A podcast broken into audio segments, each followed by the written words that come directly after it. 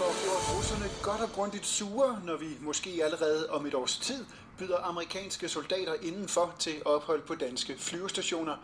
Det siger lektor ved Forsvarsakademiet Peter Viggo Jacobsen, efter regeringen i dag har fortalt, at den har indgået en forsvarsaftale med USA. En aftale, som gør det muligt for amerikanerne permanent at placere soldater og materiel på flyvestationerne i Karup, Skrydstrup og Aalborg i en periode på 10 år. Ja, velkommen til denne her øh, podcast. Det er en lidt anderledes podcast i dag, men det har det med at gøre, at øh, virkeligheden den overhaler jo planlægningen øh, hele tiden. Jeg hedder Flemming Blikker, og jeg har med mig i dag Jovan Tasevski. Jovan Tasevski, og vi vil ligesom i går gennemgå denne her forsvarsaftale, i går var den 19. december, i dag er det den 20. Øh, december. Den her forsvarsaftale, som vi lige også har fået præsenteret her. Det her klip, som jeg lige spillede for jer, det var fra den 19. Øh, december klokken 18. Det vil sige, det var fra i går klokken 18. Og det her, det er en podcast, som egentlig er en øh, julekalender, som jeg selv og Jovan, vi har øh, serveret igennem 20 afsnit. Nu er det det 20. afsnit, men øh, som sagt, så bliver tingene nogle gange for alvorlige ude i verden til, at man kan sidde og klippe julehjerter og julehygge, og sådan et afsnit er det nu. Vi har lige fået at vide af oplæseren fra øh, DR's øh, P4, at øh, vi får gjort russerne godt og grundigt sure med den her nye aftale. Vi får også at vide, at øh, den danske regering har indgået en aftale med USA. Men lad os prøve at høre, hvad de mere siger i det her DR P4, øh, den her DR P4 radioavis fra i går. Og materiel på flyvestationerne i Karup, Skrydstrup og Aalborg i en periode på 10 år. Og når man lægger oveni, at Sverige, Norge og Finland i løbet af det seneste år har indgået lignende aftaler, så betyder det en gal Putin og sure russere, mener Peter Viggo Jacobsen. Der er ikke nogen tvivl om, at de også bliver sure på Danmark, men de vil blive mere sure på Sverige og Finland, for det er det, der gør mest ondt. Rusland har jo hele tiden regnet med, med, at hvis USA ringede og bad om at få lov at sende fly til Danmark, så vil de få lov til det. Men det er nyt, at man nu også har fået Sverige og Finland ind i alliancesamarbejdet, så det er først og fremmest dem, som de er sure på. Men det er ikke alle, der synes, at aftalen er nødvendig, for Ja, lad os lige gå tilbage til, at nej, det er nemlig ikke alle, der synes, at aftalen er nødvendig. Fordi jeg tror heller ikke, at den danske befolkning synes, at den her aftale er nødvendig. Men øh, der sker altså et baghold her, og det er det, der sker igen og igen og igen. Vi vender lige tilbage til, øh, til den her udsendelse, fordi jeg vil lige kommentere på, Peter Viggo Jacobsen er jo så den ekspert her, en lektor fra Forsvarsakademiet, som øh, kommer med det her udsagn, at russerne bliver gjort godt og grundigt sure. Det er sådan en, øh, en tale ned til, øh, til danskerne, som om, at det her det har noget at gøre med at gøre nogen sure. Altså vi snakker om at afgive dansk suverænitet, og det vender vi tilbage til med en forsvarsaftale. Yep. Og, så, og så gør Peter Viggo Jacobsen, lektor fra Forsvarsakademiet, det til et spørgsmål om, at det gør russerne sure. Ja, men øh, jeg, jeg vil lige knytte en kommentar til, til det. Ved du hvad, det, det, er, det er også, det er ikke, ikke kun, at det er nedladende for danskerne, så, det, så op, vil jeg på russernes vegne også opfatte det som værende nedladende øh, over for dem. Fordi at øh, man har i lang tid prøvet at portrættere russerne og det russiske folk som sådan, hvad skal vi sige, en lavere stående folk med en lavere stående intelligens. Øh, men virkeligheden forholder sig helt anderledes. Og det er en tale ned til alle forhold i forbindelse med at lave sådan en bilateral forsvarsaftale, som det faktisk øh, er. Vi fortsætter radioudsendelsen her. Så det er først og fremmest dem, som de er sure på. Men det er ikke alle, der synes, at aftalen er nødvendig, fordi amerikanske soldater skal retsforfølges i USA, hvis de begår kriminalitet, og ikke herhjemme. Det betyder, at Danmark med aftalen afgiver suverænitet, siger Ole Væver, som er professor i international politik. Og i forhold til den situation, vi er i, er det et voldsomt skridt, mener han man kan godt prøve at resonere igennem fordele og ulemper ved at gøre det her, men man kan ikke sige, at der er et direkte trussel mod Danmark. Der var vi jo langt mere udsat under den kolde krig, og selv der resonerede vi os frem til, at det var godt at være allieret, men det var ikke godt at have fremmede baser. Men fra politisk hold er de fleste partier og det er også en vigtig ting, som Ole Væver han er inde på. Her er så en ekspert, som kommer sådan lidt med et argument i en modsat retning. Det er så Ole Væver, der er professor i international øh, politik. Og han siger jo ganske rigtigt, som vi også burde have hørt det både af Forsvarsministeriet, Forsvarsministeren, Forsvars... Øh, øh, lektoren her fra Forsvarsakademiet, det burde vi høre fra alle eksperter, at der er ingen trussel. Så det her, det er en aftale, som bliver begået i en tid, hvor der ingen trussel er imod Danmark og imod dansk suverænitet. Det, det var godt at være allieret, men det var ikke godt at have fremmede baser. Men fra politisk hold er de fleste partier positive. Kun enhedslisten og Alternativet har indtil videre meldt ud, at de er imod aftalen. For de konservatives forsvarsordfører Rasmus Jarlov vil det være betryggende at have amerikanske soldater i Danmark. Vi har brug for, at amerikanerne er meget tæt involveret i forsvaret i Europa. Og det er også et godt signal til russerne om, at amerikanerne ikke er på vej ud af Europa, men at de forpligter sig endnu mere til at hjælpe os med at forsvare vores eget kontinent. Men enhedslisten er altså skeptisk. Jeg vil gerne lige uh, Rasmus Jarlov her. Uh, han kommer ind på, at uh, vi har brug for amerikanerne. Der bruger han så Rusland til at retfærdiggøre denne her aftale. Og det er selvfølgelig formentlig noget at gøre med Ukraine, uh, krigssituationen at uh, gøre. Men lad os lytte til, hvad man siger her fra politisk hold endnu mere til at hjælpe os med at forsvare vores eget kontinent. Men enhedslisten er altså skeptisk. Forsvarsordfører Trine Patomak siger, peger også på, at Danmark frasiger sig retten til at retsforfølge de amerikanske soldater, hvis de begår kriminalitet her i landet. Lad os nu sige, at det er en dansk kvinde, som bliver udsat for voldtægt, og at øh, hovedmistænkte er amerikaner. Øhm, så skal det ikke være danske myndigheder, der kan efterforske det og sørge for at håndhæve retten over for den kvinde, der er blevet øh, gået en forbrydelse imod. Det skal så være amerikanske myndigheder, der gør det efter amerikansk lovgivning. Øh, det synes jeg, der er helt uhørt. Og det kan man kun give enhedslistens øh, forsvarsordfører ret i. Altså her har vi at gøre med amerikanere, de er godt nok i uniform, på dansk jord, som ikke kan retsforfølges efter danske regler med denne her aftale. Vi fortsætter pressemeddelelsen, eller vi fortsætter radioavisen her. Det skal så være amerikanske myndigheder, der gør det efter amerikansk lovgivning. Øh, det synes jeg, der er helt uhørt. Aftalen gælder for de næste 10 år og er uopsigelig. I Vojens ser folk i byen frem til, at der kan komme amerikanske soldater på flyvestation Skrydstrup, som ligger lige uden for byen. For med den usikkerhed, der er i verden, er der ingen vej udenom, mener pensionist Bjarne Knudsen. Vi kan ikke som verdensborger i, i, i lille Danmark øh, godt nok ligesom sige, jamen øh, uha, dem vil vi ikke have her altså. Og det er en anden pensionist, Erling Hjort, enig i. Det var bedre, hvis europæerne kunne selv, men uh, det har vi åbenbart ikke råd til. Når vi ikke selv kan forsvare os selv, så må vi have nogen til at hjælpe. Men en ting er, at de amerikanske soldater er på flyvestationen. Noget andet vil være at støde på dem ned i supermarkedet, mener økonomimedarbejder Gitte Jul. Men det gør hende ikke utryg. Altså, det jeg havde nok haft øh, noget andet, hvis det var russiske soldater. Så ville jeg være utryg. Og sådan får vi afsluttet det her indslag, som i alt var 3 minutter og 20 sekunder på Danmarks øh, Radios øh, P4 radioavis, og det var så den 19. december kl. 19. Du kan stadigvæk finde det her inde på DR's øh, hjemmeside, det her øh, klip. Så vi får lige øh, afsluttet det her, det her øh, radiovis med øh, 3-5 sekunders indslag af Jamen altså, hvad skal jeg sige, hjernevaskede, dumme øh, danskere. Den første, som siger, at øh, jamen, lille Danmark, uha, vi bliver nødt til at rette ind efter alt muligt. Og nummer to siger, at vi kan ikke forsvare os selv, så vi skal have amerikanerne øh, til det. Og så den tredje siger så, ja, altså, det ville jo være endnu værre, hvis det var russere. Øh, og, så, og så får vi grinet lidt, og så kommer vi ellers videre til det, til det næste.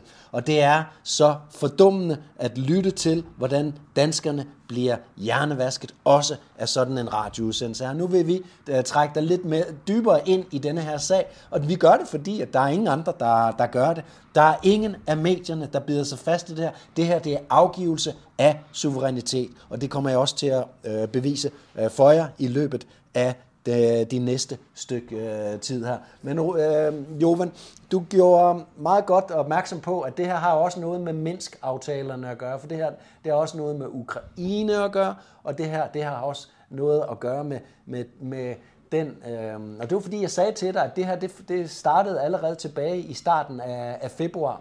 Det var faktisk den 10. februar Øh, 2022, så det er snart to år siden, at regeringen, og det er altså den forhenværende regering, altså den rene socialdemokratiske regering med Morten Bødskov som forsvarsminister, som kun gjorde, øh, at vi var ved at indgå en aftale med amerikanerne, og der ville være fem forhandlingsrunder, og de fem forhandlingsrunder skulle så lede til en forsvarsaftale. Så det er altså den 10. februar. Det er 14 dage inden, at russerne faktisk går ind i Ukraine, for det gør de først den 24. februar. Og det er så her, hvor nogle internationale omstændigheder kommer ind over. Og som vi også hørte i indslaget her, så både Finland og øh, Sverige har lavet fornyede aftaler med øh, NATO, fornyede aftaler om, at øh, NATO øh, at de er med i, i NATO, og at NATO har af, adgang til deres øh, suverænitet. Det samme gjorde Norge sidste år. Så det her det er sådan en koordineret indsats, som startede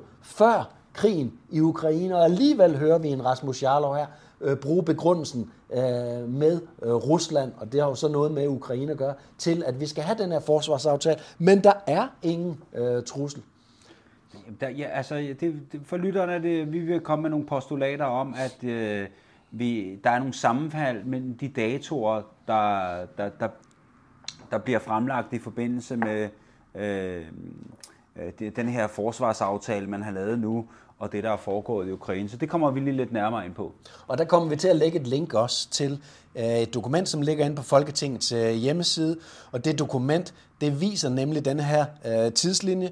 Dokumentet, øh, det hedder øh, øh, faktaark omkring forsvarssamarbejdsaftalen, og det, der stilles så spørgsmålet i starten af det her, hvad er en bilateral forsvarssamarbejdsaftale? Og ud til, til højre i det her dokument, der kan man se, at den 10. februar, der står der sådan en tidslinje. Regeringen annoncerede, at man vil påbegynde forhandlinger med USA om en bilateral forsvarssamarbejdsaftale. Det er altså den 10. februar i 2022. Det er to uger inden, at Rusland går ind i Ukraine. Og så den 19. april, også i 2022, der starter i alt fem forhandlingsrunder med USA. Forhandlingerne blev gennemført skiftevis i Washington og København. Og så skal vi så springe frem, helt frem, så springer den her tidslinje helt frem til 21. september 2023. Husk lige på, at her er der sket en ændring, ikke i statsministeren, men der er sket en regeringsændring. Det vil sige, at Moderaterne og Venstre kommer i regeringen. Men det her, det fortsætter. Den øh, nye regering overtager åbenbart den gamle regerings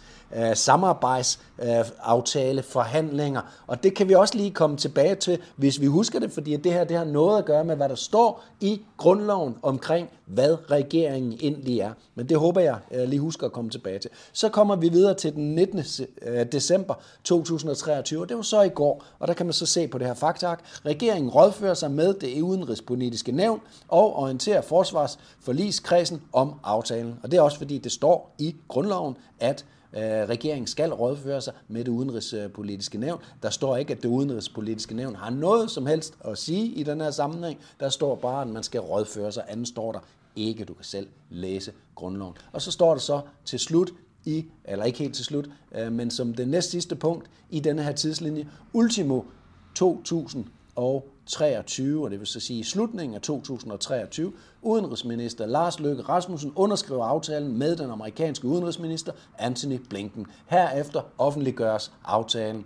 Og så springer vi så frem til det aller sidste punkt. 2024 står der så folketingsproces, hvor aftalen gennemføres i dansk lovgivning, og herefter endelig i krafttræden ved noteudveksling mellem Danmark og USA. Prøv lige at Prøv lige at lægge mærke til det her veludførte statskup, for det er det. Det er en suverænitetsafgivelse og øh, mulig øh, statskup, som er sat i gang her, fordi der er ingen i befolkningen, der bliver spurgt. Og de her enhedslister og alternativ, som inde i Folketinget siger fra, enhedslisten har 9 mandater, alternativet har 5 mandater, så vidt jeg husker, og det giver i alt øh, 14 mandater, og der skal 20 mandater til at hindre at en øh, afgivelse af suverænitet sker i Folketinget, øh, fordi at det skal ske med 5 6. dels flertal i Folketinget. Og på den måde kommer det her ikke ud til en folkeafstemning, og på den måde får man lavet nogle nyhedsudsendelser her, som sådan masserer det ind, og vi får nogle de dumedænen til at, at, at kommentere her på det, 5 øh, sekunder af, af gangen nede ved, øh, i Vojens, og så får vi øh, et par eksperter indover, og så bliver vi alle sammen ligesom bare fortalt, at jamen, vi har allerede indgået en aftale med USA. Der er ingen, der snakker om den her afgivelse af suverænitet. At amerikanerne i en periode på 10 år kan udstationere lige så mange soldater, lige så meget materiel øh, de vil. Der er nogle specielle vå- våbentyper, som atombomber og klyngebomber, som de ikke må tage med, men der er altså ingen, der står og visiterer dem, når de kommer ind i, uh, i landet. Så spørgsmålet er, om uh, de overholder sådan noget, for der bliver formentlig ingen uh, visitation. Der bliver ingen øh, kontrol. Af dem. Nej, jeg tror ikke på, at der står en, uh, en dansk militær politi uh, sergeant, uh, som jeg var for mange, mange år siden, og øh, kropsvisiterer de her amerikanere, når de kommer ind på dansk, øh, på dansk grund. Så tilbage til det, som jeg synes, at du meget, meget rigtig pointerede, Jovan, at det her har jo også noget at gøre med Minsk-aftalerne, som gik forud for den krig, som startede i Ukraine. Ja, jamen der var jo to øh, Minsk-aftaler, Minsk 1 og Minsk 2, og det var jo et forsøg på at få denne her borgerkrig, der startede øh, i kølvandet på Øh, nogen vil jo sige, at... Majdan-revolutionen. Ja, Majdan-revolutionen. Øh, hvis man stikker lidt dybere i det, så efter min opfattelse, jamen, så var det foranledet af et, et, et, et statskup, øh, hvor man øh, øh, fra, fra vestens side med, med USA og CIA iværksatte det, det, det, hvad skal vi sige, en, en kampagne, der, der havde til formål at destabilisere øh, Ukraine øh, og, og, og, og, og, og, og, og, og få det til at øh, kigge i en mere vestlig retning end, end, end, øh, end sin traditionelle, hvad skal vi kalde det, samarbejdspartner, som, som formentlig var Rusland. Ikke? Ja, og det man får det til at, at, at, at lyde af, som er problematikken i det, det er, at der er en del af Ukraine, som vil være med i EU, og så er der en, en ret stor del af Ukraine også, som er meget russisk orienteret. Ja, det er, hvis ikke de taler russisk, så har, er de etnisk russere, men øh, man bor i Ukraine. Og det udløste, som, fordi de ikke kunne blive enige, så udløste det denne her borgerkrig, øh, som de vestlige medier heller ikke er så interesseret i at, at, at, at fortælle om. Men, men som følge af den borgerkrig, jamen, så skulle man jo ligesom, så prøvede man i første omgang at, at se, om ikke man kunne indgå en fredsaftale øh, parterne imellem. Og mm, en af, en, af, en af deltagerne i fredsaftalen for de stridende parter, det var blandt andet Tyskland. Mm-hmm. Tyskland var en af dem, øh, og på daværende tidspunkt var det Angela Merkel, der sad... I de her Minsk 1 og Minsk 2 aftaler. Ja, øhm, og øh, tilbage i... To... Og Minsk 1, det er fra september 2014, og Minsk 2, det er så fra februar 2015, fordi at man ikke, det ikke lykkes ikke at, at stoppe krigshandlingerne med den første Minsk-aftale. Nej. Og så kommer en anden Minsk-aftale, og her der skal man faktisk i, i Ukraine, øh, der skal ske en forfatningsreform, fordi det er en af, af, af punkterne i øh, Minsk 2-aftalen, at der skal ske en forfatningsreform i Ukraine. Der er også en del andre ting. Øh, man skal fjerne alle tunge våben 15 øh, km fra den her, øh, man kan ikke sige helt demilitariserede zone, men altså en zone, hvor der ikke må være tunge våben, og dermed kan der ikke rigtig foregå krigshandlinger. Og det er sådan cirka der, hvor Donbass-regionen grænser, den, den følger, helt ned til det her Azov-hav, som er sådan en indsø af Sortehavet. Ja, hvis man, hvis man går ind og kigger på kortet, øh, hvad, hvad der var i, i forhold til, hvad der var i spil, og i forhold til, hvad, hvad aftalen gik ud på, hvad russerne muligvis kunne stille sig tilfreds med, jamen så har vi at tale med et væsentligt mindre område, end det område, som russerne rent faktisk har sat sig på i dag. Ja. Øh, der er ikke der... så mange, der følger med i, uh, i krigen nede i Ukraine, men jeg har bemærket, at du er ret godt orienteret om, hvad der sker nede i Ukraine. Fordi de fleste tror, at det er jo bare det var ukrainerne, som var i gang med en modoffensiv, og så er den sådan mere eller mindre gået ud i vasken, og så er der vel stillstand dernede, men det er ikke helt tilfældet. Altså jeg følger lidt, øh, der er en øh, kanal, jeg kan, til, jeg kan få øh, anbefale, der hedder Web Union, altså W-E-E-B og så Union på YouTube. Det, han er faktisk dansker, for at det ikke skal være løgn, men han har stor succes med at lave daglige opdateringer omkring øh, krigssituationen, og han er meget objektiv i forhold til, hvad, mm, hvordan han rapporterer nedefra de her forskellige troppebevægelser osv. osv. Det er meget interessant at, at, følge med. Der er også et kort, han linker til. Det kan man gå ind på og se. Der kan du faktisk gå ind og se forskellen på det kort, som vi kigger på her på, øh, på via Wikipedias hjemmeside i forhold til Minsk-aftalen og hvad, hvad, hvad man var villig til at indgå af, af fredsaftale kontra det kort, som, som vi ser i dag, så det, det er jo inde på, det er, at Rusland har et meget større areal, øh, sikret et meget større areal i sin øh, besiddelse på nuværende tidspunkt end menneskeaftalen. Væsentligt større. Ja. Så, så indtil videre har ukrainerne tabt meget mere ved, at gå fra aftalen, øh, eller ved at forsøge at indgå en aftale tilbage i 2015. Øh, men de blev jo også presset, og det er jo ligesom det, der er det vigtige at komme ind på, fordi at der var jo de her forskellige øh, lande, der var med ind over fra vestens side af. Der var også Storbritannien, der var og, og, og Tyskland. Og øh, et år efter, at krigen gik i gang, eller små 10 måneder efter, så kom Angela Merkel faktisk ud til medierne og indrømmer, at hendes rolle øh, som part i forhandlingen var at købe tid for ukrainerne til, at de kunne opbygge en hær, der var stærk nok til at kunne bekæmpe russerne. Øh, så det vil sige, at allerede, allerede fra starten af, af Minsk-aftalen havde man reelt set ikke et ønske fra vestens side om at indgå en fredsaftale. Så forhandlingerne, de skulle bare trækkes i langdrag, og der, fordi der var på et tidspunkt, hvor Ukraine og Rusland var meget, meget tæt på at indgå aftalen, øh, hvor at det så endte med, at Storbritannien gik ind og øh, afviste alle de her, hvad skal man sige, øh, afviste en, øh, eller bad den ukrainske delegation om, at, om ikke at indgå aftalen. Så det er også en indikator for, at man ønskede reelt set ikke fred, selvom muligheden for fred var der. Og hvis man havde indgået den fred, jamen så havde, havde man kunne, øh, havde Ukraine haft langt større dele af land til, til sin disposition i dag, end, end, end hvad de pt. har mistet. Og det er igen det her internationale ringespil, øh, som vi både har set i, øh, krig, i krisen i Ukraine, øh, og den krise, som der er nede i Palæstina øh, nu. Det her internationale øh, ringespil, hvor der foregår ting, som ikke bliver rapporteret for befolkningerne, hverken i Danmark eller, eller rundt omkring. Vi skal simpelthen ikke forstå, hvad det er, der i virkeligheden foregår. Det er også derfor, vi laver den her øh, udsendelse, den her episode af det, der ellers er en, øh, er en jul i biblioteket, det er en julekalender. Og jeg vil gerne lige, jeg vil gerne lige øh, gentage, hvad øh, Troels Lund øh, Poulsen, den nuværende forsvarsminister, han øh, gik ud og skriftligt meldte ud i, øh, i går, og det gjorde han i et, øh, i et bilag til denne her øh, forsvarsaftale, som ligger inde på øh, Folketingets øh, hjemmeside. Regeringen har i dag rådført sig med det udenrigspolitiske nævn om indgåelse af aftalen.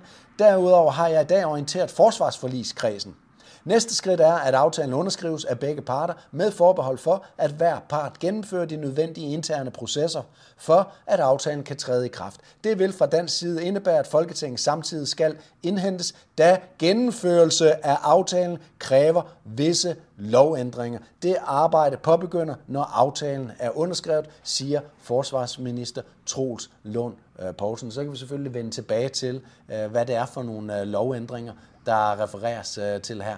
For det har noget at gøre med dansk øh, suverænitet, og det øh, kan man øh, læse ad en øh, Øh, et svar, som Troels Lund Poulsen også. Alt det her, det er jo ikke noget, som, øh, det, her, det er noget, som mig og Jovan skal sidde og finde frem øh, til jer. Det her, det er ikke noget, som graver journalisterne på Ekstrabladet, eller på Berlingske, eller på Weekendavisen, eller på Kristelig Dagblad, eller Politiken, eller Jyllandsposten. Det er ikke noget, de interesserer sig en, øh, andet end overfladisk øh, for. Der er et, øh, et spørgsmål, det er spørgsmål nummer øh, 20, øh, som øh, bliver besvaret af Troels Lund øh, Poulsen, og det gjorde det her den 12. Øh, december. Vi skal nok linke øh, til det, det ligger også inde på Folketingets hjemmeside. I svaret Øh, spørgsmålet går omkring øh, det her med, om, øh, om de her amerikanske soldater de vil overholde FN's torturkonvention. Øh, og det, som øh, Troels Lund Poulsen han øh, svarer, det er, jeg henviser til min besvarelse af 19. september 2023 af spørgsmål nummer 100, almindelig del fra Folketingets forsvarsudvalg. Som anført i besvarelsen lægges der i forhandlingerne fra dansk side vægt på en langsigtet aftale, der bygger på gensidig tillid og som respekterer dansk suverænitet, dansk lovgivning og Danmarks internationale forpligtelser herunder den europæiske menneskerettighedskonvention. Og så er der endnu et øh, svar, når man så dykker ned i, hvad øh, den her, det her spørgsmål 100, som han øh, også øh, refererer til, og det er tilbage et øh, spørgsmål, som øh, blev øh, stillet den 19. september. Igen, det er Trine Pertu øh, Mark fra Enhedslisten.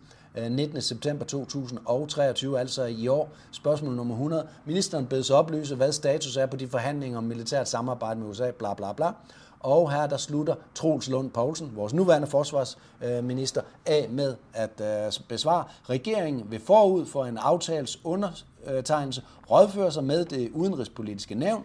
Derudover vil regeringen indhente Folketingets samtykke efter grundlovens paragraf 19 styk 1 andet punktum forud for, at en aftale tiltrædes, i det en aftales gennemførelse må forventes at nødvendiggøre lovændringer.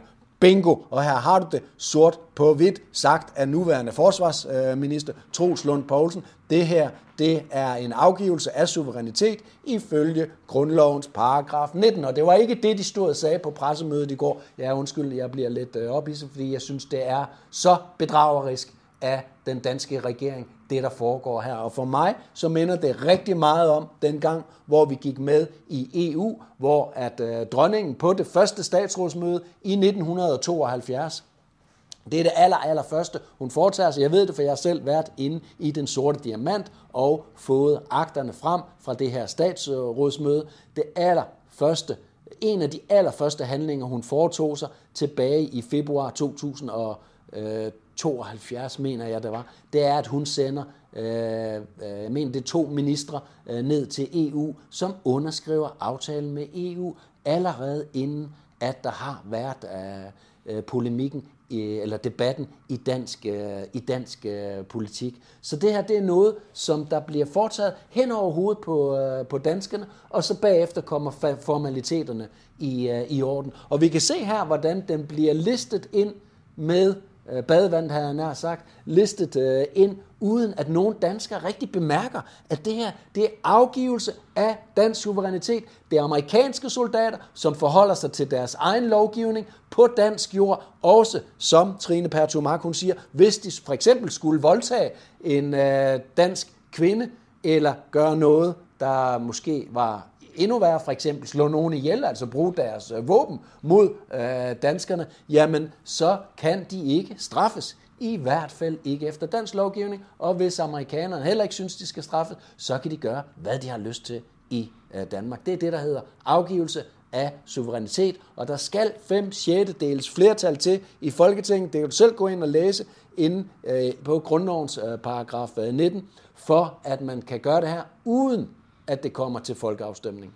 Det, nu, er, nu er aftalen jo ikke offentliggjort endnu, men, men det er i hvert fald ret skræmmende, hvis det viser sig, at i aftalen der står, at det er amerikanerne, der også skal stå for efterforskningen ved en eventuelt øh, lovovertrædelse i Danmark.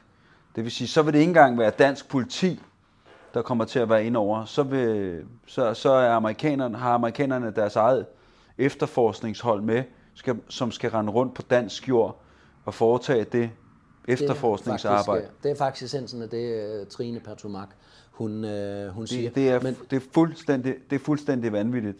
Det er vanvittigt. Øh, det, øh, jeg er rystet over, at, øh, at, at man bare kan på den måde, og igen afgiver sin, sin suverænitet væk øh, til en fremmed magt. Så det her, det var noget, der blev startet op. Den her forsvarsaftale blev startet op, inden krigen i Ukraine øh, begyndte. Øhm, den er startet op, og, og vi ved, at krigen i Ukraine har at gøre med Minsk-aftalen, og har at gøre med denne her, øh, denne her proxy-overtagelse af det, af det ukrainske øh, parlament, som skete med den her revolution i øh, 2014. Øh, og det er altså her, hvor den amerikanske, øh, det er dengang John Kerry, udenrigsminister, øh, går ind og, og, og, og, og faktisk definere, øh, hvad det er for, for, for nogle, øh, hvem der skal være i regering, og det er, der er en lækket samtale i øvrigt, øh, mellem hvad vores gode ven, hun hedder, øh, hende super sionisten i det amerikanske...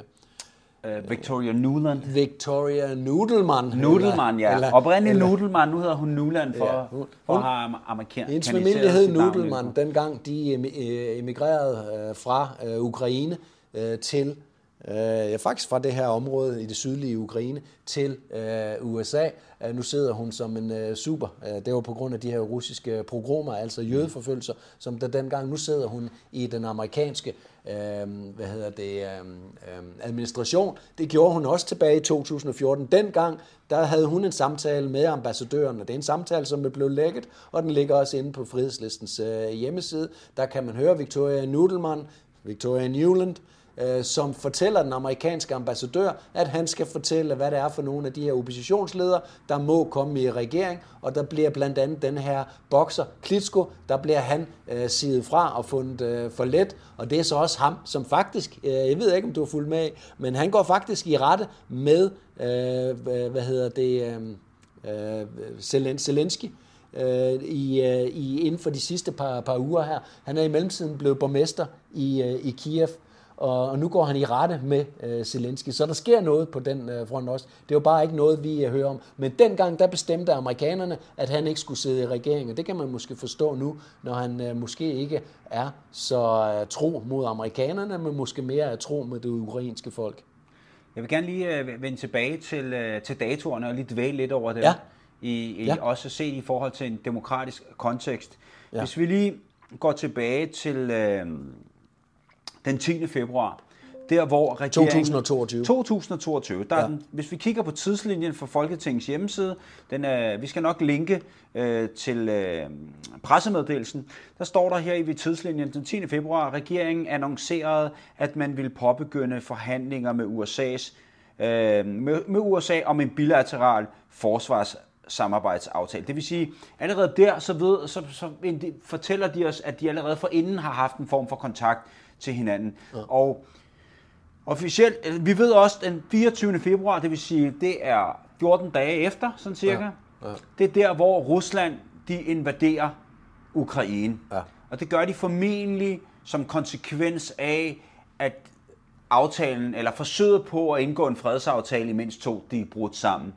Hvis vi så samtidig... Tre dage forinden, der er det faktisk Zelensky, som, øh, undskyld, jo, Zelensky, som øh, aflyser øh, menneskeaftalen. Han siger, nu gælder menneskeaftalen ikke længere, og det er så det, øh, der får Rusland til at gå ind i øh, Ukraine, til synlandet. Ja, og så vil jeg anbefale lytteren til for eksempel at gå ind og google for eksempel ord som former German Chancellor Merkel admits the Mink Agreement – was merely to buy time for Ukraines arms build-up, eller noget, noget i den stil, så kan I, kommer der en masse artikler frem, hvor at øh, Merkel her indrømmer, at hendes rolle i det her øh, spil var at øh, simpelthen bare at trække tiden, så ukrainerne kunne blive stærke nok rent militært til at, at, at modstå et eventuelt, øh, et eventuelt øh, hvad skal vi sige, en eventuel reaktion ja. fra Rusland. Ja, en så, handling. Lige præcis. Som man så efterfølgende for, forsøgte at fordømme via det internationale samfund, eller med andre ord, det vil sige det primært de, de vestlige øh, koalitioner, øh, som, som, som, hvor man forsøgte at få det til at fremstå, at det, øh, det, var, det var en hel verden, der rent faktisk øh, fordømte den handling.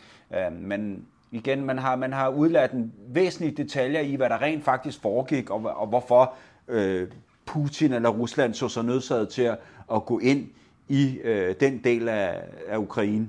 Russere blev slagtet i Donbass-regionen. Da Poroshenko, øh, det, blev, øh, det var øh, premierministeren eller præsidenten, øh, efter øh, Majdan-revolutionen. Poroshenko, han siger, at nu skal de ned i kældrene, og de bliver bombet øh, væk, og de får ingen pensioner, og de får, der snakker han så om det her russiske mindretal. Det er en form for etnisk øh, krig, der foregår imod det russiske mindretal fra 2014. Og det er så derfor, man har menneskeaftalerne fra senere 2014 og 2015.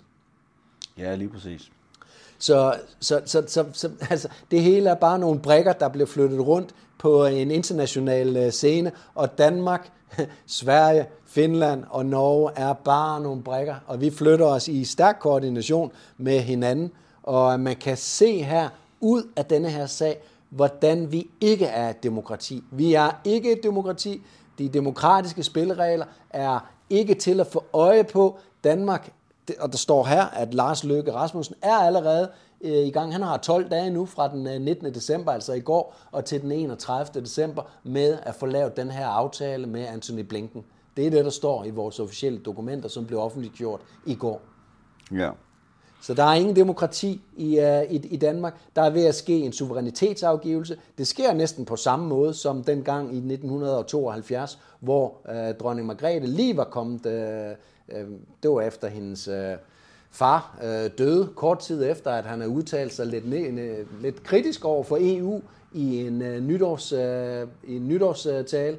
Og ja, ja, man kan spekulere, men øh, i hvert fald så dør han øh, kort efter denne her øh, nytårstale, som han, øh, som han holder, og så overtager øh, dronning Margrethe, og det første hun gør, det er at sende en delegation ned, som underskriver en aftale med EU, og først derefter skal hun så bruge Jens Otto Kravs hjælp til, og det er statsminister på daværende tidspunkt, til at få masseret den ind i danskernes øh, bevidsthed, fordi at 80% af danskerne ville absolut ikke afgive suverænitet til EU, men det får så ændret sig øh, meget, meget hurtigt, og især mod slutningen af øh, denne her kampagne, og til sidst så bliver danskerne luret med ind i EU, fordi de får at vide, at smørpriser og alt muligt andet øh, stiger, især varer udefra, vil stige med 20-25 procent fra dag 1 af, hvis vi ikke går med i EU. Så øh, endnu en gang, det er, det, er, det, er, det er ikke en demokratisk øh, land, vi bor i. Det er ikke, der er ikke sådan en fri demokratisk øh, debat. Der er nogen, som sidder ved magten, og som bliver ved med at fortælle os, hvad vi skal gøre, og de bruger frygt som øh, redskabet til at få os til at gøre, som de gerne vil have det. Ja, det er, det er forfærdeligt. Og, og, og, og hvis du lytter, øh, sidder og tænker det samme, jamen, så kan vi jo kun anbefale, at I at være med til at sprede det her budskab, øh, spred den her podcast ud vidt og bredt øh, til, ja, vi skal jo prøve at se, om vi på en eller anden måde kan få nogle af de her etablerede eller journalister, der ja, sidder i etablerede medier. Send den endelig link og få, til og få dem til at grave i det her, for det, det kan, som Flemming kom ind på til, det kan ikke være rigtigt. Det, det skal være helt almindelige mennesker, som du og jeg, der, der skal bruge tid på at finde alle hullerne i osten. Det, Hvad har vi brugt? Research? En teams uh, research på det her? Ja, det, det, det, det er relativt, det er ret, det er ret enkelt. Hvorfor er der ikke journalister, der kan bruge bare minimal tid på de her ting? Vi taler afgivelse af dansk suverænitet, fordi at det siger Troels Låne Poulsen selv. Han siger, at det er paragraf 19 i grundloven. Der er ingen tvivl om, det her afgivelse af dansk suverænitet.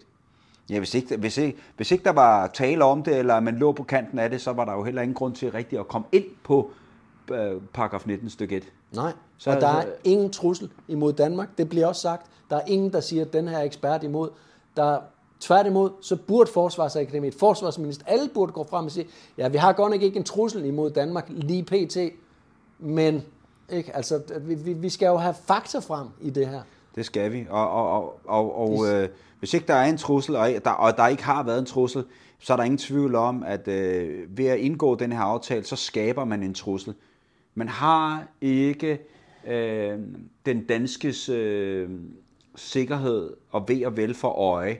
Det er faktisk, det forholder sig lige omvendt, og det er det, der er ingen den almindelige dansker skal, skal begynde at forstå, at det, det, den regering, som, øh, som, som sidder der nu, ikke har nogen interesse i at varetage den almindelige danskers interesse. Vi skaber kun en situation med større risiko for, at vi ender i en konflikt med Rusland. Absolut. Og, og vi er ikke gearet til det, på trods af, at vi får at vide det stik modsatte, at vi får at vide, at vi kommer til at stå meget stærkere ved at indgå denne aftale.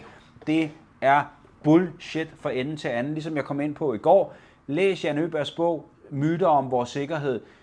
Skulle vi øh, stå i en situation, hvor at vi har behov for amerikanernes hjælp, så kan du være immer vis på, at amerikanerne ikke bare kommer bullerne, hvis ikke vi kan garantere en eller anden form for sikkerhed ved deres øh, ankomst. Og, kan, og, det, og det har vi ingen kapaciteter. Altså ikke, vi har noget at handle med. Vi har intet at handle med. Vi har ingen kapaciteter, hvor vi kan skabe en, en, en, en, et sikker, uh, scene safe, en sikker operationsrum for amerikanerne, for at kunne etablere et brohoved hvis det, hvis, det, hvis det skulle gå så vidt. Men det er jo så det, den her forsvarsaftale øh, ser ud til at vil gøre, fordi at Skrødstrup og Aalborg og Karup Altså det er jo, øh, det er jo øh, ret store øh, flyvebaser øh, i, øh, i, Dan- i Danmark, og de kan jo sagtens øh, udvides. Altså jeg ved jo, at der er militært terræn rundt om, omkring, som man kan tage ind og give til amerikanerne. Så, og i og med, at vi også har den her NATO-havn, hvor de også har udbygget, øh, det gjorde de jo sidste, øh, var det i sommer, som jeg mener der, hvor de udbyggede øh, NATO-havnen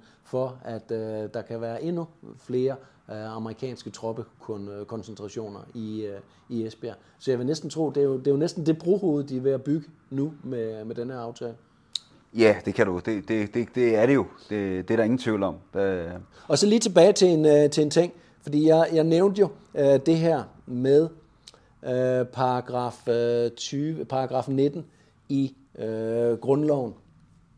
Øh, hvis ikke du kender øh, paragraf 19, så er det det, som øh, han øh, henviser til, jeg nævnte, øh, den her paragraf 19 stykke 1, øh, punktum øh, 2, hvor der står, uden Folketingets samtykke kan han, og det er så kongen, der henvises til her, dog ikke foretage nogen handling, der forøger eller indskrænker rigets område, eller indgå nogen forpligtelse til hvis opfyldelse Folketingets medvirken er nødvendig, eller som i øvrigt er af større betydning. Ej heller kan kongen uden Folketingets samtykke opsige nogen mellemfolkelige overenskomst, som er indgået med Folketingets samtykke. Og det er så her, at hvis der skal afgives permanent permanent suverænitet. Og her der vil jeg jo snakke om en, en, en 10-årig øh, aftale her, en uopsigelig øh, 10-årig aftale. Er det permanent? Det er permanent i en... Øh, I, I hvert fald i 10 år, i 10 år ikke? Og så når vi kommer frem til, til den dato, så kan det jo bare forlænges endnu en gang, ikke? Ja. Så, så hvis det var permanent, så vil øh, paragraf 20 i grundloven træde ind. Og det er så her, hvor den her 5 6 dels flertal af Folketingets medlemmer skal øh, på plads. Og det er så det, der er spørgsmålet her. Og igen, der er jo ikke nogen, der kommer til at diskutere øh, de her øh, ting, fordi det er kun sådan nogle vågne borgere, som, øh, som dig og mig, øh, bekymrede øh, mennesker, øh, som sidder og bekymrer sig om øh, det land, vi bor i her, som, øh, som fortæller om det her. Fordi at øh, journalisterne, de har travlt med at servere den næste øh, nyhed og kaste sig over øh, endnu en godbid, som de kan servere for danskerne. Der er, der er ikke ordentlig politik tilbage i Danmark. Der er ikke ordentlig debat. Der er ikke demokrati. Der bliver taget, der bliver taget beslutninger hen over hovedet på øh, folk.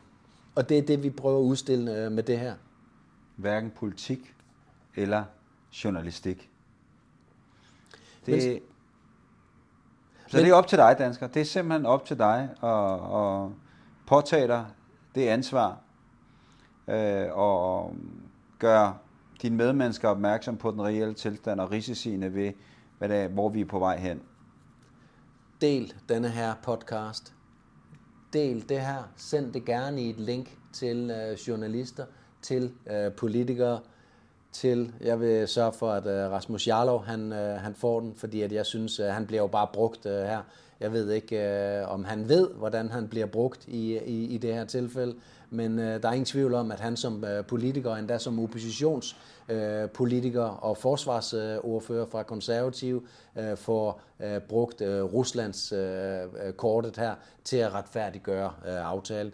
Del, del, uh, del, og så vil vi sige tak herfra. Ja, tak for nu.